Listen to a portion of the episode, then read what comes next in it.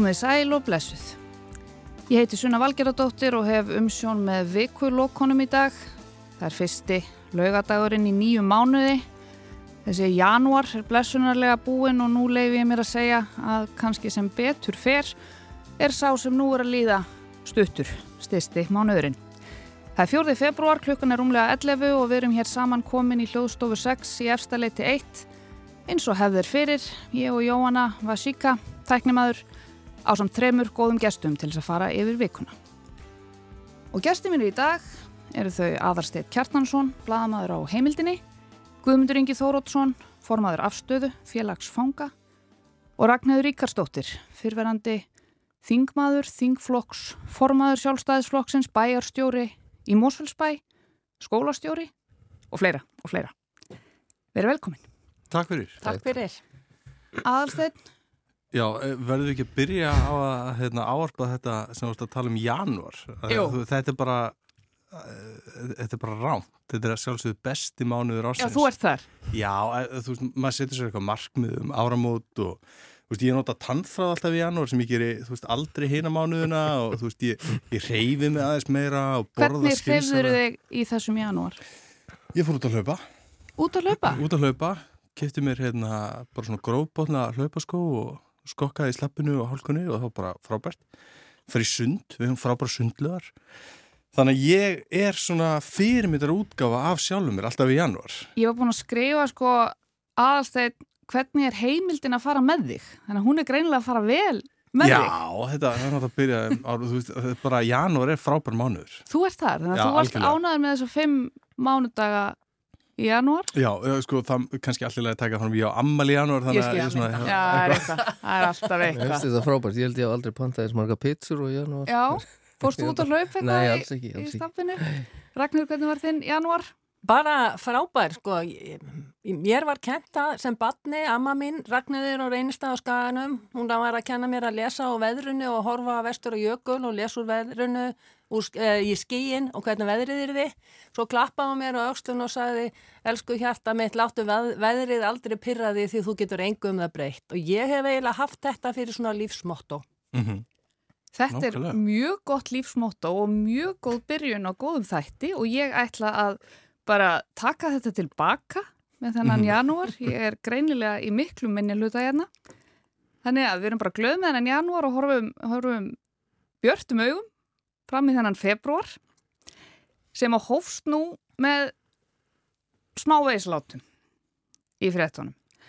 E, februar byrjaði með leikriti, ég ætla að leifa mér að kalla þetta leikrit uh, um flugvila sölu, meinta, áætlaða. Uh, hann Jón Gunnarsson, dónsmálar á þeirra, hann uh, kom fram í vikunni bara fyrir nokkrum dögum í fyrradag, held ég að það hefði nú bara verið, fyrirskipaði að landhelgiskeslan hún ætti að selja sína einu flugvél, TF-SIF, til þess að vega upp um að ég held 400 miljóna hallarekstur. Uh, Það þurfti að losa þarna um einhvern pening og með því og til þess skildi landhelgiskeslan selja flugvölina sína.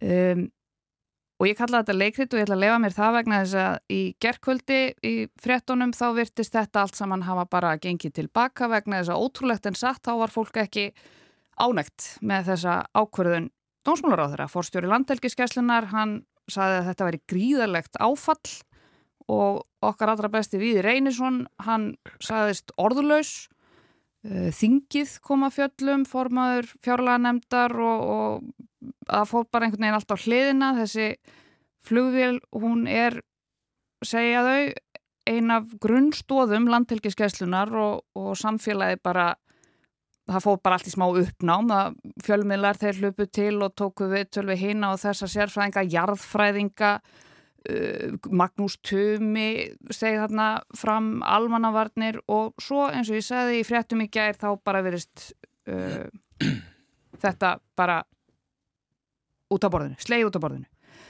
uh, Snegsti viðsnúningur stjórnsýsluna sem ég séð allavega. Það Já, svona einn af þeim allavega. Þetta var svona eins og eitthvað mál á samfélagsmiðlum sem bara byrjaði við morgunin og svo var þetta bara rætt og svo var þetta bara búið einhvern veginn. en þetta var einmitt sko nákvæmlega sama og ég hugsaði þegar ég sá þetta fyrst, uh, leikrit. Uh, við höfum séð þetta að, að samtök, stór samtök sem eru á ríkistyrkjum eða stofnanir, ríkistofnanir, eru farin að gera þetta í meira mæli. Þeir, þeir hóta lókunum á, á húsnæði, að selja húsnæði, uh, selja hluti eða, eða, eða búa til byggðlista sem að hefur áhrif á þjónustu og þetta eru auðvitað tækip til að, að kalla fram fjármagn og þetta snar virkaði hjá, hjá hérna Jóni en það kannski, hann er hérna stjórnmannamaður á gamla skólórum og kannski fáir eftir að þeim og það hefur náttúrulega kannski ekki skapað mikla vinsaldir en, en þetta vilist að virkaða Ég er bara alltaf að taka undir með þér sinna. Þetta var, var pólitísk leikrið sett og svið vegna þess að umrætur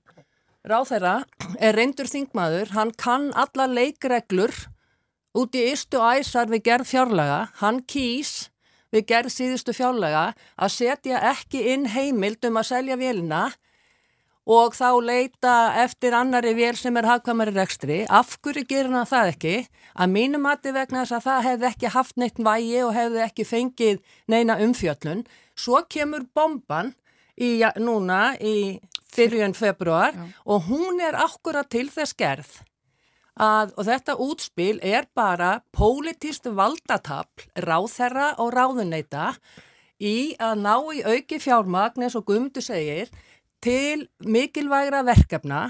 Og kannski er þetta líka fyrir dómsmálar á þeirra politist valdatafl innan floks mm -hmm. því að það sýnir sig að um leið og þetta kemur fram þá hefur hann hvergi kynnt þetta það kom ju fram hann hefði lagt inn minnisblad en það virtist enginn í ríkistjórninu að hafa lesið minnisbladið og síðan fer alltaf stað það er horfið tilbaka og eins og kemur í gær þá fær dómsmálar á þeirra fjármagn til þess að fjármagna vélina út árið og hvað. Mm. Þá er hægt að leita einhverja leiða sem að menn hefðu kannski átt að fara, fara í uppafi. Mm. Þannig að þetta er pólitísk leikrið, það skilaði sér, það er komið auki fjármagni í, í landingiskersluna en þetta er algerlega síðlaust. Er það ekki mitt?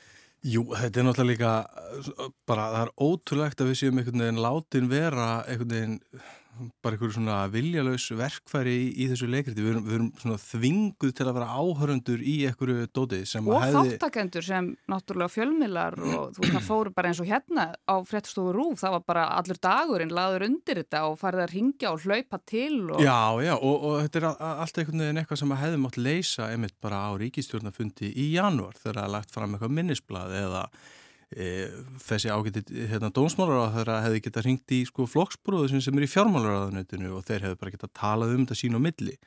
En, en við erum svona enn og aftur þvingu til þess að vera þáttakandur í einhverju, einhverju bakteldamakki, leiðum við að kalla það sem við höfum engin áhrif á og þá er ég bara að tala um almenning, ekki mm bladamenn eða ég, ég er ekki að tala fyrir þá stjætt en svo er náttúrulega líka bara aðtilsvert hérna sko hvað, hvað tungutak við notum um þetta og hvernig sko, tungumálið hérna, dregur fram útrúlega skrítna mynd. Við erum að tala um rekstrar halla landhelgiskeslunar. Mm -hmm. eh, landhelgiskeslan er ekki fyrirtæki sem selur þjónustu eða framleiðir vöru eða getur einhvern veginn svona stilt sig af sko, eins og við erum alveg með þannig ríkis fyrirtæki og, og hérna ofnbæra aðlar eigalveg í, í þannig rekstri og, og það er nú líka bara einmitt stór pólitísk spurning hvernig við viljum hafa það og, og, og bara gott ekki, látum það líka myndi hluta.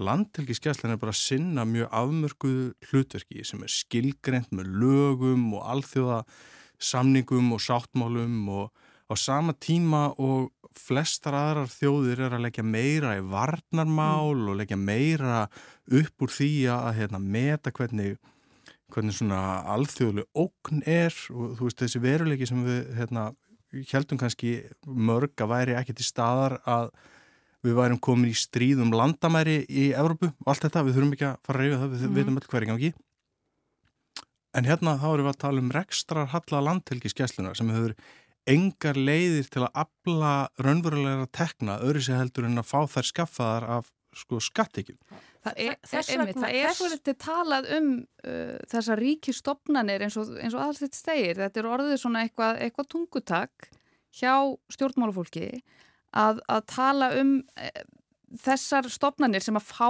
vissulega peningin sinn frá ríkinu. Uh mhm. -huh. En svo þau séu bara eitthvað sjálfstætt afl sem að uh, þau ráð ekki við eða, það, það er kannski sko sem fyrir um stjórnmálmaður já, það er kannski til þess að auðvelda þér sko að halda því svona pínlítu frá að þú berir ekki þessa ábyrð dómsmálur á þeirra ber ábyrð á landhelgiskesslunni og löggæslunni. En, en þú, þú ber þá ekki alveg ábyrð sko vegna þess að það er landhelgiskesslan sem á að reka sig innan þeirra, þeirra, takma, þeirra þess fjármaks sem hún hefur og fær af fjárlögum. Og síðan getur hún kannski gert eitthvað pínlítið þar fyrir utan.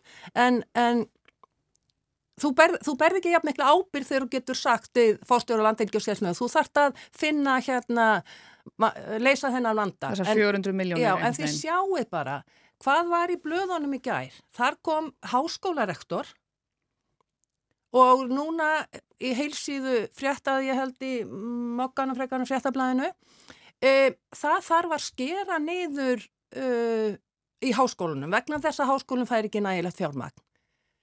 Og hvað þá? Fer þá nýsköpunar á þeirra og háskólar á þeirra á stað og gerir eitthvað svipað og óskar eftir meira fjármagni. Landspítalinn gerir þetta í hvert einasta skipti mm. í júli og ágúst þegar verið er að vinna fjárlögum. Þá er, er landspítalinn van fjármagnaður. Þannig að við erum með þetta allstaðar. Mm. Forstjórastofnana fara að stað og þetta er alveg skjálfilegt ástand og Þetta er ekkert undan þar, þetta er skjálfilt ástand í heilbyrðismálum og, og, og öllu slíku. En þessi aðferðafræði sem að vera er að beita, hún er fyrir okkur sem er morgni svona venlegu borgarar út í bæ, að, að hérna, hún er pínu skrýpaleikur. Eitt slíkt dæmi sem mistóks kannski það var þetta lókuðu, hóttuðu að lóka agurirarfangilsi og mm. lókuðu því og ætluðu að spara 150 miljónir en síðan mistuður það í, í, í hérna, niðurskórakröfu hérna fjármálar á þeirra Akkurat. þannig að þetta var engin hérna, það kom ekkit út úr þessu og lókuðu 10% fangilsplásum á Íslandi sem að sem að er náttúrulega hrigalegt bygglistar og, og annað. Algjörlega En samúðin kannski með fangum var ekki eftirlega mikil. Einmitt. Og svona bara aðeins áður um við færum okkur yfir í, yfir í uh, fangilsismálinn þá það er svolítið áhugavert aðstætt sem þú nefndir þetta, þetta tungutak sem er verið að nota. Það er verið að tala um sko endalust rekstrar halla uh, landsbítalans eins og þú nefnir uh, og, og svo rekstrar halla núna landhelgiskeslunar. Aldrei er talað um rekstrar halla lögreglunar. Það er bara talað um að lögreglan sé undir fjármögnuð. Mm -hmm. Já, ég var, var að reyna að fletta þessu upp í náði ég ekki hérna, nú fljóta að hérna, ég stundum hugsaði þetta einmitt í sko, sambandi við vegagerðina og, og hérna, vegagerðin fær sko 20 miljardar uh, til þess að leggja vegi og við erum uh, við erum öll einhvern veginn sem samfélag á því að vegagerðin þurfi miklu meira peningum. Og við erum með ráþera sem að hérna, fara eða, ég, ég veit ekki hvort það sé markmið allra ráþera samgöngumála að byggja göng eða, eða svona fá að gera eitthvað svona grand, stort samgönguverkefni. Eða það er svona tilfinningin að, veist, að það er stemming fyrir því sko. Og og það er ekki mikið talað um það að hérna, það sé gat í rekstri vegagerðarna sem þurfa að fylla með hérna, eitthvað svona dóti. Mm. veist, það, það er sjálfsögðu vantar sko, peninga inn í, inn í samgöngumál. Ég er, er, ég er ekki að segja að það sé. Að við nálgumst það einhvern veginn frá allt öðru sjónahóði mm. en það er líka því að það er það sem við erum að horfa á hverjum deg, við löpum á gangstétunum gerum á götunni.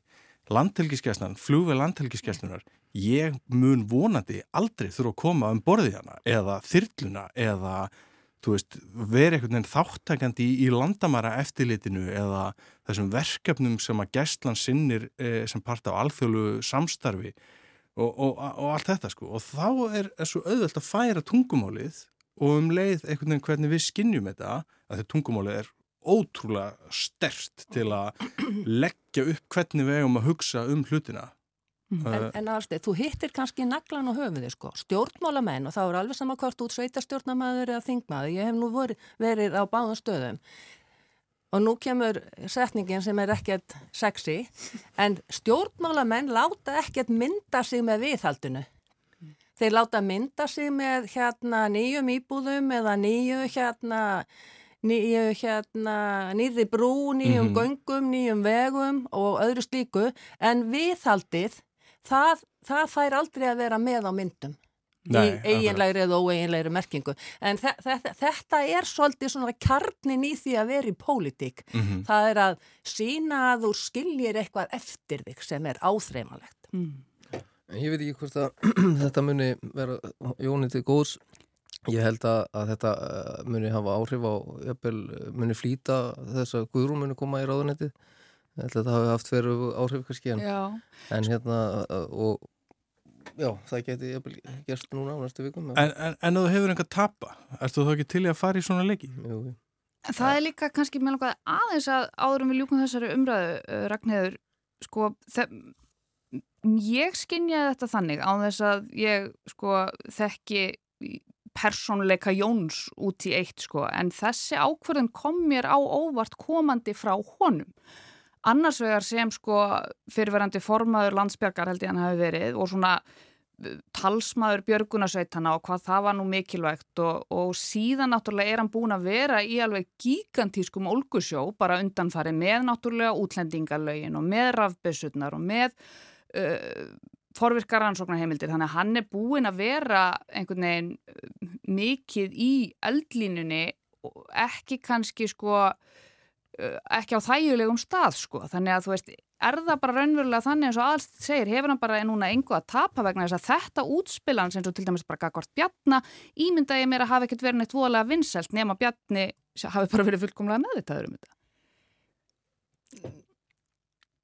Nei, veistu það, ég ætla nú að segja dónsmálar á þeirra þarni hrós að hann veður þó í verkin. Mm. við getum orðaða þannig.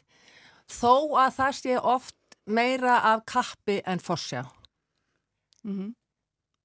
Ég get ekki undir sko, þó að ég sé alls ekki hlindur flestum hans skoðunum uh, er hann er duglegur já, já, hann er duglegur og það er kannski ekki vinsalt í mínum flokki að hósánum en, en var, þegar kemur að fangilsmálum þá eru við afar ána með hans störf þar og, og ég get fullist að það eru engin ráð þeirra síðustu tvo áratugin uh, haft eins mikið áhuga fangilsmálum og hann og, og, hérna, og hvort sem það verður Jón eða Gunnar sem stjórna þeim málaflokki áfram og þá Já, Jón eða Gunnar. Já, þá, þá, þá, hérna, og ég veit að Guðrún hefur mikinn áhuga fangilsmálum og, og hún með sér skrifaði björðitgerð um, um börnfanga. Þannig að, að, að ég er svona björnsýtn á fangilsmálin, en, en það er bara rétt að byrja, það þarf að breyta rosa mörgu. Við komum inn á það kannski. Já, við bara komum inn á það núna. Uh, þú náttúrulega þekkir fangilsmálin út og einn, líklega bara hvað einna, einna best myndi ég segja, bara af þeim sem á þessu landi eru. Ég hlýtti ekki að vera að setja sérfræðingur í hérna símaskrána. Já, ætli það ekki. Bæði innan múrs og, og utan. Það er nú svo litið gömur saga á ný að við séum gaggrínd hér á Íslandi fyrir að beita einangrunnar vist og þetta er ekkit í fyrsta sinn sem Amnesty International uh, kemur fram með þessa gaggrinni. En það kom enn einn skíslan í vikunni þar sem að uh, yfirvöld, fangilsmáli yfirvöld, uh, dómstólar, lögregla uh, eru gaggrind fyrir að beita einangruna vist í geslu varðhaldi óhóflega hér. Uh, þau segja við sem að brjóta gegn alþjóðlegu banni gegn pyntingum og annari ómannlegri eða vannvirðandi meðferð eða refsingu. Einangruna vist í geslu varðhaldi sem meðal annars beitt gegn einstaklingum með föllun og geðraskanir og börnum. Uh, Þetta var í byrjumvikunar. Páll Vingel, fangilsusmálastjóri, hann sagði í gær við bjall held ég að uh, það sé óæðilegt að fallaðir einstaklingur og börn séu vistuði einangrun. Uh, formaður lögmannafélagsins, hann var í viðtali í speiklinum líka í vikunni og sagði að þetta væri gert allt á mikið, það þurfa að breyta verklægi, það þurfa að breyta lögum og kröfum um raukstuðning til þess að beita einangrunavist. Uh, Á tíu ára tímabili frá 2012 til 2021 hafa 825 manns sætt einangrunavist þar á tíu börn á aldrinum 15 til 17 ára. Uh, Guðmundur Ingi, Já. þú hefur verið einangrun, hvernig er það? Já, það getur tekið á að vera einangrun og auðvitað er það óbúslega misjamt á milli manna hvernig menn díla við það en við höfum auðvitað séð sikalar afleðingar af því og það þarf, þarf ekki að vera búin að vera lengi í einangrun til að það geti gerst. Og í raun og veru bara á einu degi getur, getur slíkir hlutir byrjað. En ég var auðvitað mjög ánæðið með þessa skýslu og, og hérna uh, og, og líti á hana sem ákveði svona kannski viðkjanningu fyrir uh, þeir sem afstæði hefur verið að segja í gegnum árin og áratugina, við höfum skrifað ótal greinar um þetta og, og það hefur verið mikla fréttur um þetta líka. Mm. Og hérna uh, þannig að, að Loksis kom alþjóða, stór alþjóðasamtök sem að verður að taka mark á það þarf ekki endilega að taka mark á okkur. En, en nú þarf, að, þarf eitthvað að gerast. Það hefur komið í ljós að, að stjórnvöld á Íslandi, stjórnvöld á Íslandi eru að brjóta alþjóðareglur og samninga uh, bara kerfisbundið uh, og, og við erum í fóristu yfir þeirri nefnd í dag í Evrópu, Ísland, sem á ótrýma þessu mm. og það verður auðvitað að, að grípa til aðgjara og ég vona það að það verði gert. Ég, þessi, þessi gaggrinni er, er auðvitað ekki bara á fangelsin, það er margt í fangelsunum sem þarf að breyta og, og Pál hefur nú sagt það, það, það er ímislega sér snýra honum sem það þarf að breyta En það er náttúrulega líka í lögunum, það, eru, það er verið að brjóta, lög, eh, brjóta á, á föngum alm, bara mjög mikið í fangilskerfinu eh, og hérna og ekki bara föngum, heldur börnum fanga líka. Og, og það er kannski að næsta sem verður farið í hjá Amnesty vantalega, eða vona ég. Og hérna, en svo er, er þetta náttúrulega sem snýr kannski mest að lauruglu lauruglan er að, að misnóta sínar heimildir eh, á alls konar hátt. Þeir eru að, að byggja um, um endalösa einangrun á fólk til að pinta þá, til að, að knýja fram á, á, á hérna hjáttningar. Uh, þeir eru að valda náttúrulega óbástum skada og það sem er vest við þetta er að dómarar taka undir þetta í 99% tilfella, samþykja allt sem lögreglan byggður um. Og þeir samþykja það með þess að þannig að og þeir hafa gleimt að, að leifa verjanda að fara með eh, varnaræðuna áður en þeir úrskurða. Mm. já fyrir ekki, ég gleimt að, að hérna leifa þeirra en, en ég hafa búin að ákveða þetta hvað sem er, þannig að þetta er alveg síkalli staða og, og, og við erum bara með svo galla kerfi. Að við hérna hér á Íslandi þarf ekki sönnun fyrir broti, það þarf bara að verið yfir allan vafa dómarans og hérna Uh, og hér erstu skildu til að tala við lauruglu uh, og ef þú talar ekki við lauruglu þá er það að nota gegn þér. Og ef þú segir eitthvað við lauruglu þá er það að nota gegn þér. Og ef þú segir eitthvað sem lauruglan trúir ekki þá er það að nota gegn þér.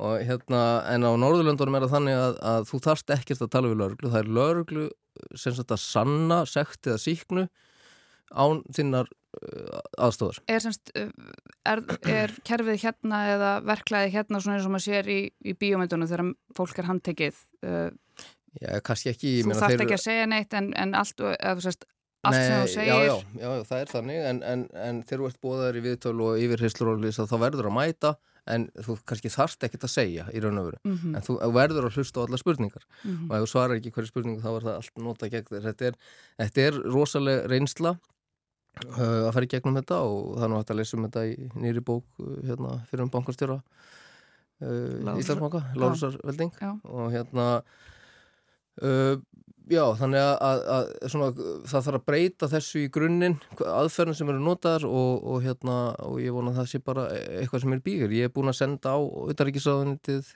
uh, og þessum stjórna þessari nefnd uh, gegn pyntingum og hérna og við höfum auðvitað verið miklu samskiptu við bæði Amnesty og CPT-nemndina og svo opkatt eftir þetta hér á Íslandi. Sko, einmitt, eins og þú kemur inn á það er það ekki pyntinganemnd Evrópuráðsins eða eitthvað svo leiði sem að kemur hérna mjög reglulega og hefur gert í mörg ár og alltaf verið þetta sama sagan alltaf verið þessi gaggríni uh, Ragnar, mér langar aðeins að, að spyrja þig. Uh, nú eru alltaf einhverjir samfélagshópar sem að verða útundan í umræðinni, náttúrulega Við þekkjum þetta mjög mikið í aðdraðanda kostninga þegar að flokkarnir skiptast með sínar áherslur, uh, fæðiklæði húsnæði, þú veist flokkur fólksins og uh, aldraðir og öryrkjar, hvað með börnin, allt þetta, verða fangar alltaf út undan.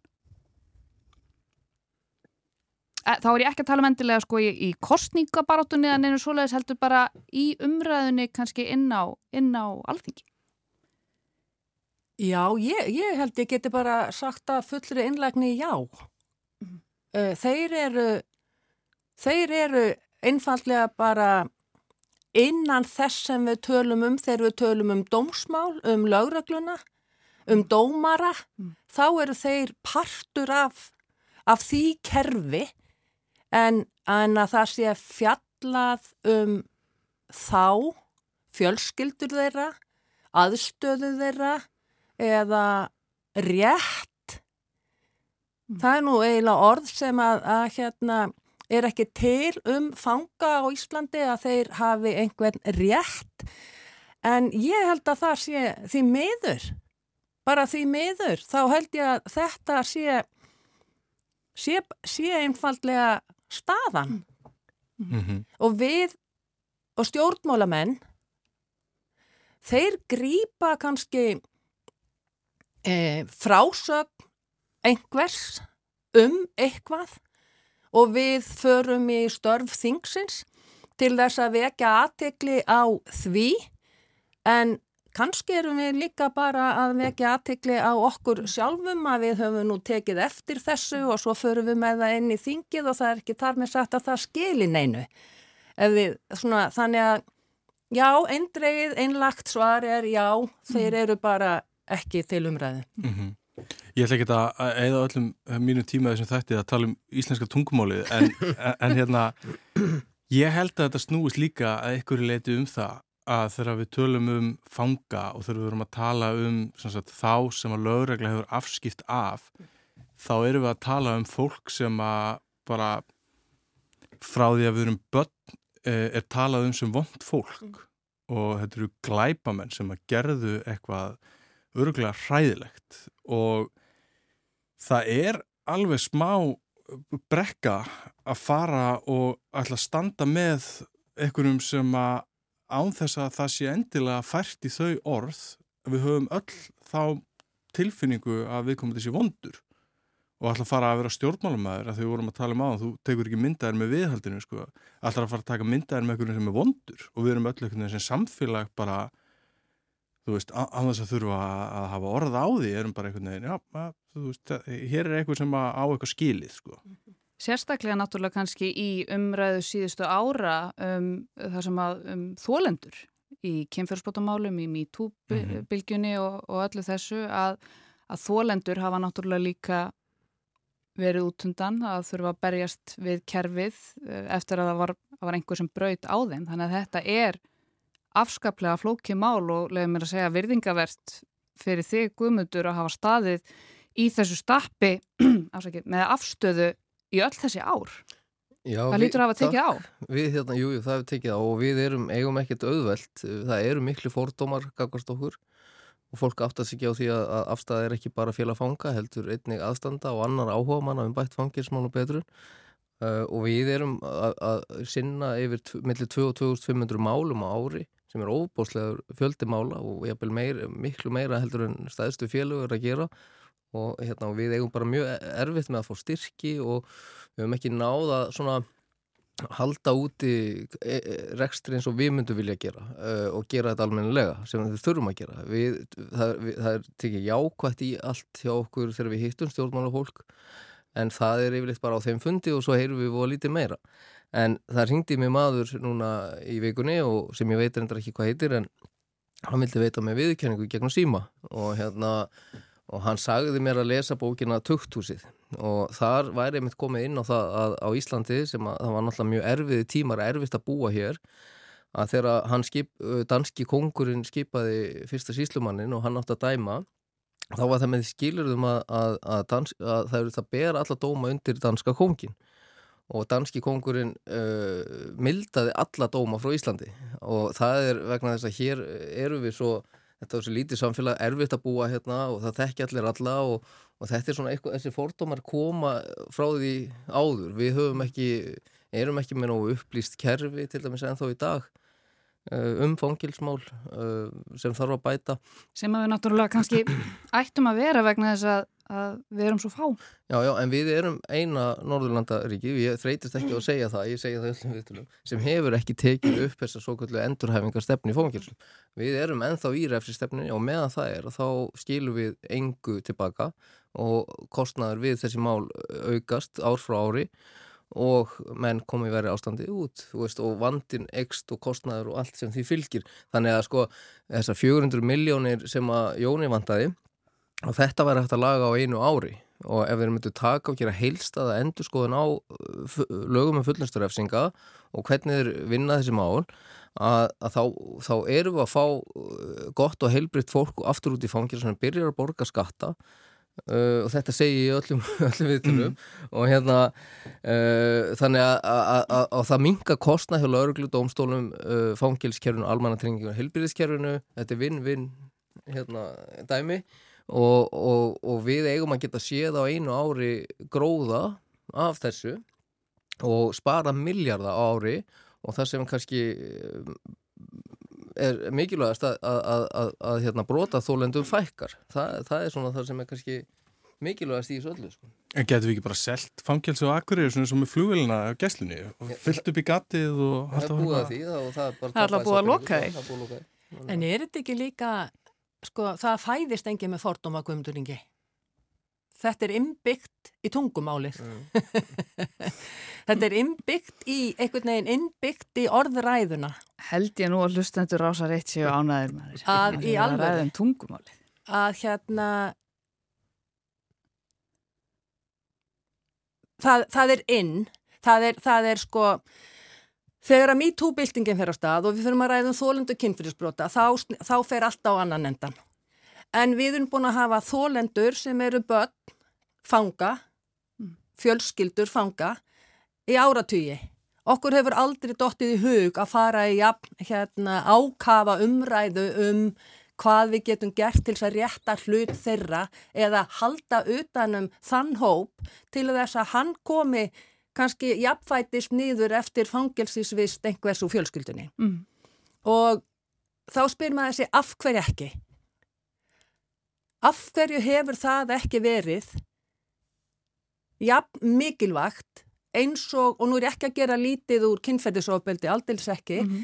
eða, eða ofbeldisverkum yfir höfuð, en, en af hverju hefur það ekki skipt okkur í þessu litla samfélagi, jafn miklu máli að styðjað við þennan hóp eins og við gerum í dag með tungumálunu á einn eða annan hátt í öðrum, öðrum málum er snúa að refsulögjöfinni. Fyrir utan það guðumduringi, það er náttúrulega löngu, löngu tíma bært að við förum í, í, í endurskoðun og lögum um að það sé ekki allt, þú sérst ekki alltaf dæmdur til vistar í, í fangelsi, það er hægt að gera svo margt, margt annan eins og þú segir og ég ætla bara að þakka þig fyrir það sem þú gert í gegnum tíðina.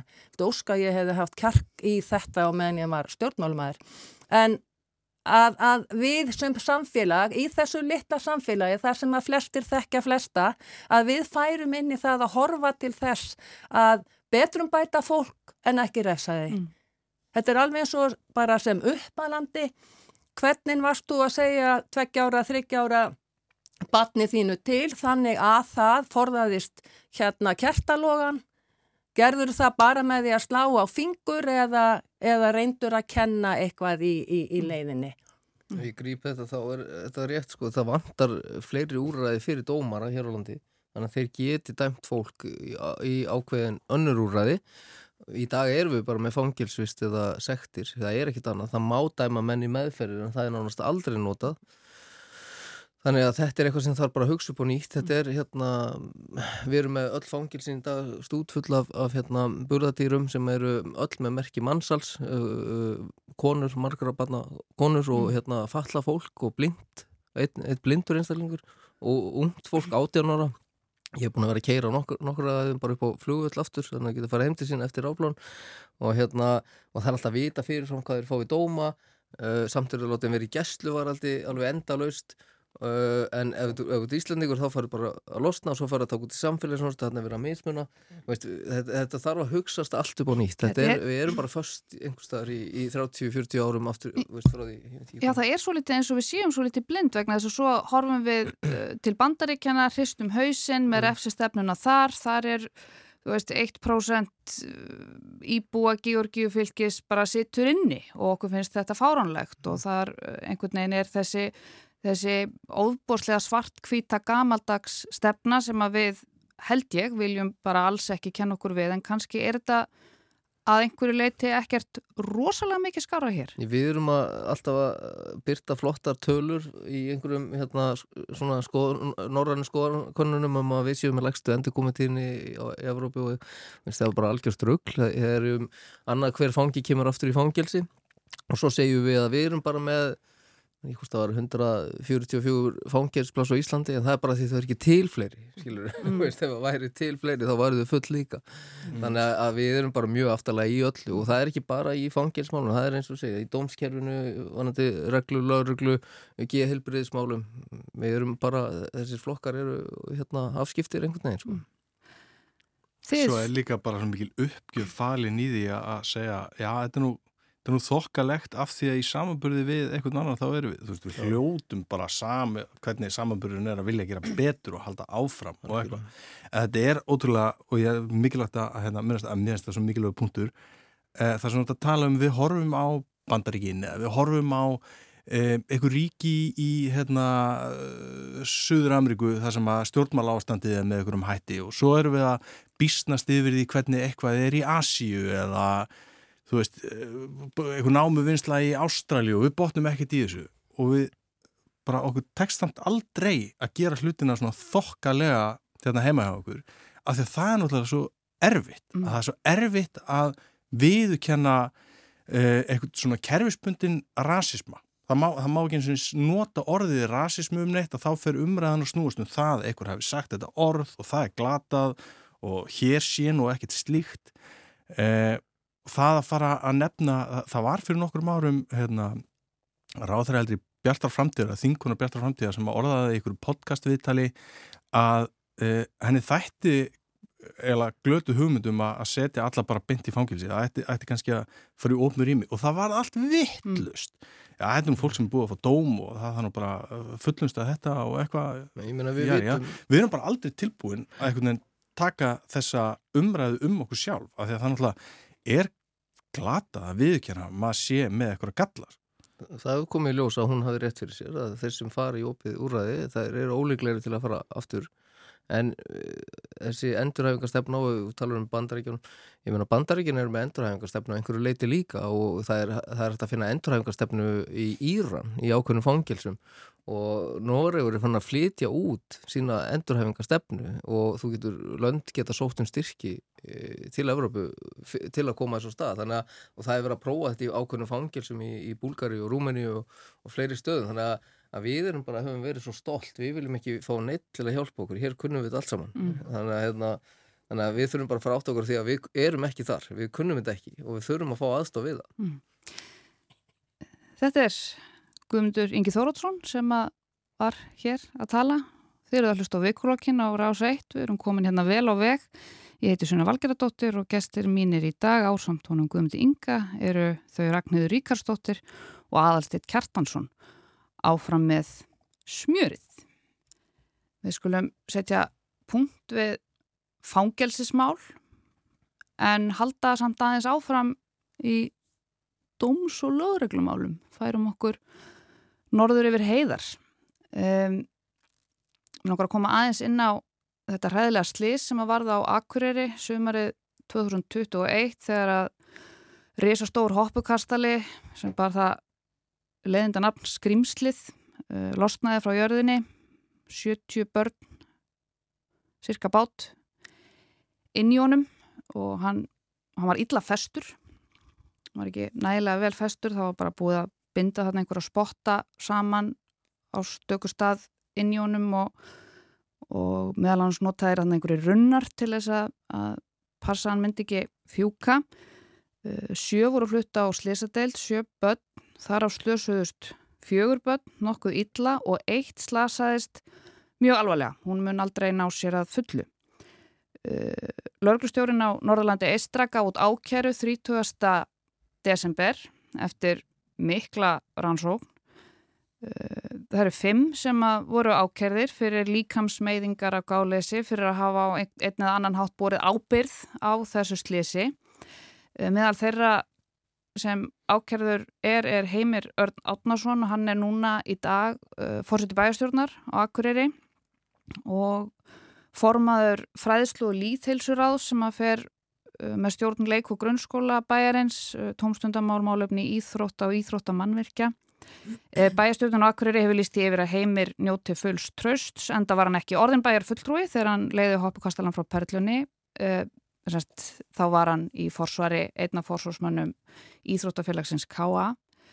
Um, mér langar aðeins að, að viðra þetta í því samhengi að það hefur ekki uh, sest, hvorki heimir nýja bæjarstjórnin hefur viljað tjáðsi nokkuð um, um þessa ákeru. Uh, það liggur alveg ljóst fyrir að heimir var ekki bæjarfulltrúi hann er ótviti sjálfstæðisflokksins og akkuriri þegar að, að þetta slisvarð um, aðalsteit, hvað finnst þér um það að, að hvorki hann ég bæjarstjórnin vilji tjási nokkuð um þetta mál? Uh, það er náttúrulega þannig að nota íslensku algjörlega óbóðlegt að tjá sig ekki. Það er engin uh, í umræðinni sem ég var allavega orðið var við að kalla eftir því að hann segi af sér eða sé látin axla eitthvað ábyrð uh, sem sagt gagvart sveitafélaginu sem sagt uh, í því hluturki sem hann er í dag en sko jafnvel þó að þetta gerist og, og eiginlega ekki sko ekki síst vegna þess að þetta gerist áður en hann er bæfullri, svo fyrir hann í gegnum kostningar og nær þessu kjöri og, og, og fyrir þetta hlutur sem hann er í dag og er sagt, trúnaða maður uh, íbúa uh, í sveitafélaginu sínu. Og svo kemur eitthvað meiri ljós að, að lögregla telli eftir rannsókn að hann beri sko ábyrð og þess eðlis uh, að, að hann er dreginn fyrir dóm og geti bara einmitt hlotið dóm fyrir þetta, fyrir, ég veit ekki, þekk ekki nákvæmlega lagagreinarnar eða, eða hvernig þetta flokkast. E, og það er ekki bóðlegt að þeia og svara einhvern spurningum af því að þetta kallar klárlega á okkur útskýningar út fyrir þann þrönga hóp sem að myndar bæjastjórn e, þarna fyrir norðan. Og það í rauninni er, já, það, það er allt í lagi að það komi fram að bæjastjórnin beri fullt tröst til hans og samstagsfólk hans e, telli sér geta unni með honum. Um, en það skiptir í rauninni ekki máli þegar kemur að því sko hvort að bæjarbúar beri tröst til hans. Það er kannski líka allt til að segja það að, að þessi trösts yfirlýsing frá bæjarstjórn Akureyrar var ekki veitt e, sem viðtal, hún var veitt sem uh, skrifu tilkynning frá bænum og mm -hmm. þau svo vísaði bara í þessar og, og káa Káa Þór sendi líka frá sér yfirlýsingu þar sem að það var harmað að sjálfbúðarlegar í félaginu hafi verið ákjærðir en engin viðtöl veitt, það er ekki veitt, fjölmjölum er ekki veitt tækifæri til þess að, að spyrja spurninga. Um, Ragnhildur, ef, ef við bara myndum færa þetta hingað söður, ef að, að Þórtís Lóa sem er í söpari stöðu og heimir er, ef að hún myndi vera ákjærð fyrir söpað mál, uh, ætli það væri ætli fólk myndi sætta sig við það að hún neyta það tjá sig um það eða borgarstjórn almennt? Nei, klárlega ekki. En kannski er bara og það er mín skoðun og ég ætla nú bara að segja hana sem fyrrum sveitastjórnumæður ef að þú ert ákjærður sem einstaklingur þá finnst mér að þér beri að víkja úr því kjörna hlutverki sem þú ert á meðan að ferli gengur yfir. Vegna þess að það breytir einhver hvaða samstarfsaðilar í, í bæjarstjórn bera til mín traust eða eh, þeir sem kursum mig bera til mín sama traust og þeir gerðu áður. Máli snýst ekki um það. Bæjarfulltrúi er ákerður og þá í mínum huga ætti hann bara skilirðist að fara í leifi og þá skiptir það með engum áli hvort að það er fórseti bæjarstjórnar á Akureyri, í Mosfellsbæ eða í Reykjavík eða hvar sem er á landinu. Þetta ætti bara að vera á meðan þú ert í, þú ert ákjærður og meðan að ferli gengur yfir, þá átt að vika. Mm. Það er svona að mínum að þessi siðferðislega löst á meðan að ferli stendur yfir. Mm. Kanski allt til að komin á það aðstætt, þú nefndir hérna hvaða, hvaða grein þetta er sem ákertir fyrir. Þetta er e, grein nummer 219 í almennum hegningalögum og hún hljóðar svo. Ef tjón á líkama eða heilbreyði hlýst af gáleysi annars manns þá var það sektum eða fangelsi alltaf fjórum árum. Og þetta er sérsagt um þetta snýst ákeran um, um að, að bera ábyrð á því að þessi kastali var ítla festur með þeim afleðingum að þessi börn slösuðust Guðmundur Ingi, Já, ég, ég ímynda mér að þú hafið einhver skoðun á þessu. Já, ég held ég sé ósamálaðið en báðum, sko, ég, hérna, mér finnst gott að hann segja ekkert, ég held hann eigi að gera það. Uh, ég er alveg vissum að hann er örgulega búin að ræða þetta innan síns hóps uh, og útskýra og fara yfir hlutira og síðan getur örgulegan þetta sett og menn eru settir í stöðu grunas uh, út af alls konar ástæðum og oft út af málu sem að eru mjög ólíklegt fyrir að, að hérna sé sakvöld fyrir uh, þannig að ég, ég hérna og við vitum það, lögurglan á Akureyri eða saksóknar á Akureyri getur nú sett, gert tímislegt hérna, ég er orðan aðalstein hérna, en hérna þannig að ég er ekki, sam, ég er ekki, ég er, ég er ekki sammála hann að segja af sér. Ég, fyrir svona fyrir að það komið þetta komið á eitthvað annar stig sko. En þetta er náttúrulega komið á ákjörstu. En ekki, Já, ekki, að, segja þýðir, af, guðumdur, ekki að segja af sér heldur stigandi hliðan á meðan að ferli En ákjörustig segir ekkit sko.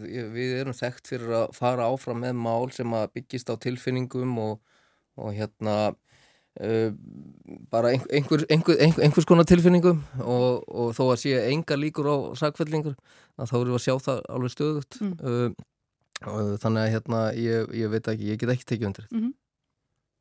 ég, þetta, þetta er bara sko þetta er eins og stjórnmálumenn hafi farið allir á sama námskeið e, hjá einhverju almanatengsla apparati e, það sem að er, er það sem það færi ráðleggingar um að, að hérna þeia alltaf þegar eitthvað er óþægilegt eða erfitt og senda í mestalagi frá sér yfirlýsingu í gegnum Facebook og svara yngum spurningum saman hvaðan þær koma. Og, og við höfum rætt þetta innan uh, blamarstjættarinnar á vettnáki blamarafélagsins uh, og við, við verðumst öll í stjættinni taka eftir þessari þróun að þetta verður sífælt verra og verra og verra. Um,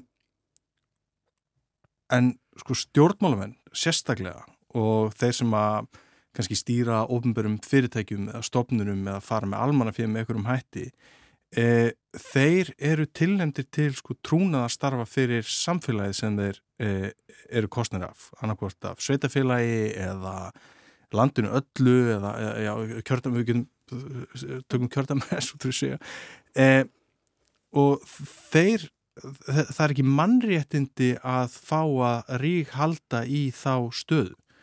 Og það þarf að vera hafið yfir allan vafa að sko hvernig hlutir eru og, og, og, og hvað gerðist og annað. Og það er bara ótrúlega mikilvægt. Og það er engin að fellanir dóm núna gáka þessum manni. Og ég get ekki ímynda mér annað að, að bara allir þeir sem að lenda í hans sporum uh, þeim líði hræðilega. Mm -hmm og það er ekki það sem það snýstum en það verður samt að vera eitthvað lámas virðing fyrir hlutverkinu sem mann gegnir í dag og kjörnum fulltrúar gegna almennt að koma bara heiðalega fram og vera tilbúinir að ræða málinn. Ef þeir eru það ekki, þá eru þeir augljóslega ekki í, á réttum stað og þá þurfum við að kannski bara víkja. E ef að þröskuldurinn fyrir það uh, að, að get ekki bara komið fram að smá auðmygt og svara einhvern spurningum er, e, er svona mm -hmm. lár, þá ertu kannski bara ekki til þess fallin að sinna starfi kjörins fulltrúa. En hann var náttúrulega ekki fulltrúið þegar þetta gerðist og hann var sjálfbóðaliði og það er spurning hvað við ætlum að ganga langt í, í því erum við að fara að ákjara sjálfbóðaliði landsbergar fyrir hluti mm -hmm. það, það er búið að stíga fram og, og bera fulla ábyrð á þessu slísi eigandi fyrirtækisins, það með skilst uh, og ég menna ég veit ekki, þess, þetta eru hluti líka sem ég vil fá að breyta Já, en, en meina, hann getur bara stíðið fram og sagt það, það er bara það er hræðilegt að sjálfbúðaliðar og félagar mínar í Íþróttafélaginu séu dregnir fyrir dóm, fyrir að hafa tekið þátt í þessu. Þetta er allt sem að hann getur bara fært sjálfur í orð og ætti að sjálfsögða að gera það En er þetta ekki að tala bara sem bladamæður og vilja skrifa um? Ég, ég meina sko, við erum eh, til dæmis í á Norrlöndunum, þá eru menn og leðilegt að draga breyvíkinn í þetta en, en þeir eru meiri segja, skiluru hann er kerður í, í lokuðum bíl inn í, í, í undirgöng, skiluru þegar hann er að fara fyrir dóm, það er enga myndir eh, fyrir að menn eru raunverulega segir eh, þannig að það sko, að hugsa þetta nei. svolítið öðruvísi hér líka það En það að tala um hlutina það að eiga eitthvað skonar samtal um bara síðferði eða ja, jafnvel hvernig við viljum að lögin séu í því fælst engin dómur yfir einum eða neinum og aftur af því að tungumálið er einhvern veginn þema þáttarinn sko Algjörlega. við erum búin að, að búa til þá umræðu hefð og, og það er einhvern veginn tungutak að bara það að nefna eitthvað í samhengi við hugsanlegt brot eða hugsanlega siðferðislega bresti að í því felist eitthvað svona stóri dómur. Og það er vandamál af því að við þurfum að geta talað um ekki bara þegar það er búið að, að, að hérna, staðfesta fyrir domstólum eh, eitthvað brot eða búið að fá einhverja langa rannsókn með einhverju ótrúlega afgjörnandi niðurstu við þurfum að geta talað bara um hvað að gerast í samfélaginu okkar eh, tala við fólkið sem að stýrir samfélaginu okkar og við þurfum að geta átt þessi uh, samskiptið dóttið hreinskili. Blaðamenn, af því þú veist að tala um það hvort ég vildi ekki bara fá eitthvað að skrifa um, sko blaðamenn eru þeirri stöðu að vera millilegur almennings við valdhafa. Það gengur bara svona praktist séð ekki upp að allir í Vesturbæri Reykjavíkur ringi í borgarfulltrúan sem að þar er til að, að, að hérna, spurja sömu spurningarinnar. Blaðamenn hafa þá ábyrð að reyna að finna í samfélaginu hvaða spurninga þarf að spyrja og fara síðan og spyrja þeirra spurninga í rauninni fyrir hönd fólks og ég bara, ég fullir það að fólk, hvort sem það er á akureyri eða þannig kring, vill fá viðbröð og svör og bara heyra röttina í þessum manni. Og hann getur alveg útskýrt það fyrir okkur að það sé hræðilt að vera í þessari stöðu mm -hmm. að það eigi bara ábyrðin sé algjörlega hjá uh, eiganda hoppukastana sem að hefur sjálfur stíðið fram og ennmitt tjáð sér um það. Bara, hún er alveg frjást að segja það sem hann vil en hann verður að tjá sig, hann verður að gefa almenningi þá í gegnum fjölumila færi á að spurja En ef þið snúðu þess aðeins hérna hugsaðu ykkur að það væri þingflóksformaður samfélkingarinnar mm -hmm. Hver er það? Já, logi? Já, já. Það verður þingflósformaður samfélkingarinnar mm -hmm. sem að hefði verið, verið hérna, væri, væri í þessu ferli eða þingflósformaður sálstæðisflósins, mér er alveg sama hvað við tökum, væri, að, að hann væri ákerður og vissulega þá er komið ákveði ferli í gang. Það er engin að hveða upp þann stóra dóma maðurinn eða konan síðu seg en það er komið í gang ákveði ferli. Haldi þið virkilega að umræðan í samfélaginu væri svo að þessir, hérna, þessir einstaklingar ættu ekki að vika til hliðar á meðan á ferlunstæði. Þú getur nú bara sett þig í þessu Já, spór. Þú varst, þú varst þingflokksformaður sjálfstæðisflokksins. Já, og ég var líka ottviti sjálfstæðismanna í Mosulsbæ mm -hmm. og í mínum huga er þetta bara mjög einfalt. Mm -hmm. Ef að ég hefði fengið ákæru á mig einhverja hluta vegna þá sæti ég uppi með hana þar til að... Þú hefði kannski skrifað undir einhvert samning og einhverjum golfskála sem hrundi. Já, verð bara eiginlega alveg sama á meðan að þú ert í ofinberu starfið út kjörin fulltrúi og þú sætir ákæru fyrir eitthvað. Þá finnst mér bara, nú kemur uppáhalds orðið mitt, þá finnst mér bara algjörlega galið að manni finnist í lægi að setja áfram í því embætti á meðan verið er að rannsaka hvort ég sé seg eða saklus. Mm.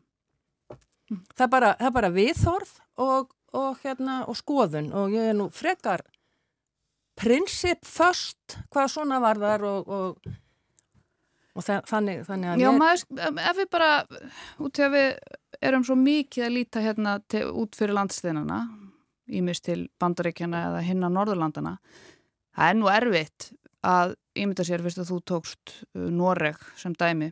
Uh, það er nú erfitt kannski að ímynda sér að, að fólk sem að myndi lenda í þessu myndi ekki bara setja sem fastast heldur bara neyta tjá sig.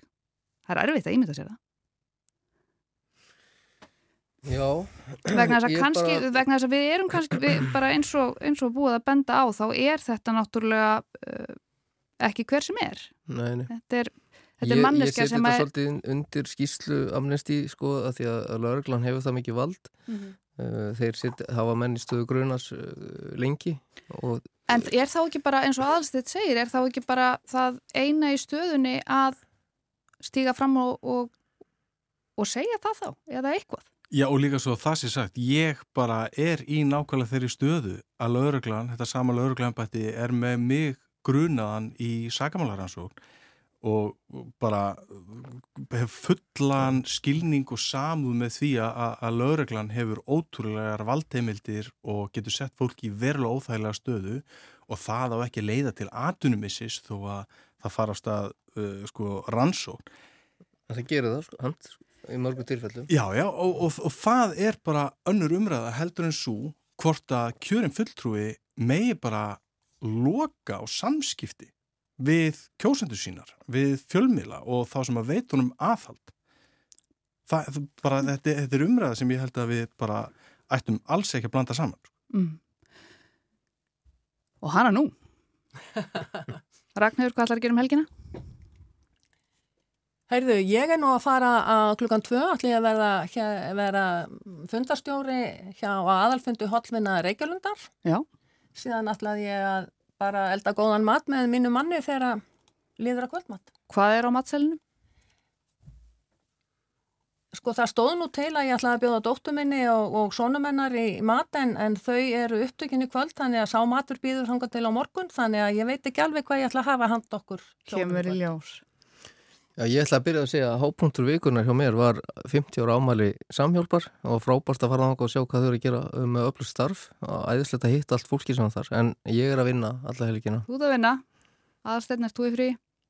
Já, ég er frí. Allir að ekki bara út að hlaupa? og tannþráð og allt þetta sem ég myndist á í uppæði. Það er komið að viku lokum í viku lokunum í dag, lögadaginn 4. februar. Þátturinn verður aftur á dagskrá og núna bara strax á eftir koma fréttir og svo heimskviður á rásætt. Ég heiti Sunna Valgeradóttir, stjórnandi þáttarins og gestir mínir voru þau Aðalstitt Kjartansson, Guðmundur Ingi Þórótsson og Ragnhildur Ríkarsdóttir og tæknimaður var Jóanna Vasíka. Takk fyrir að leggja við hlustir í dag. Verið sæl.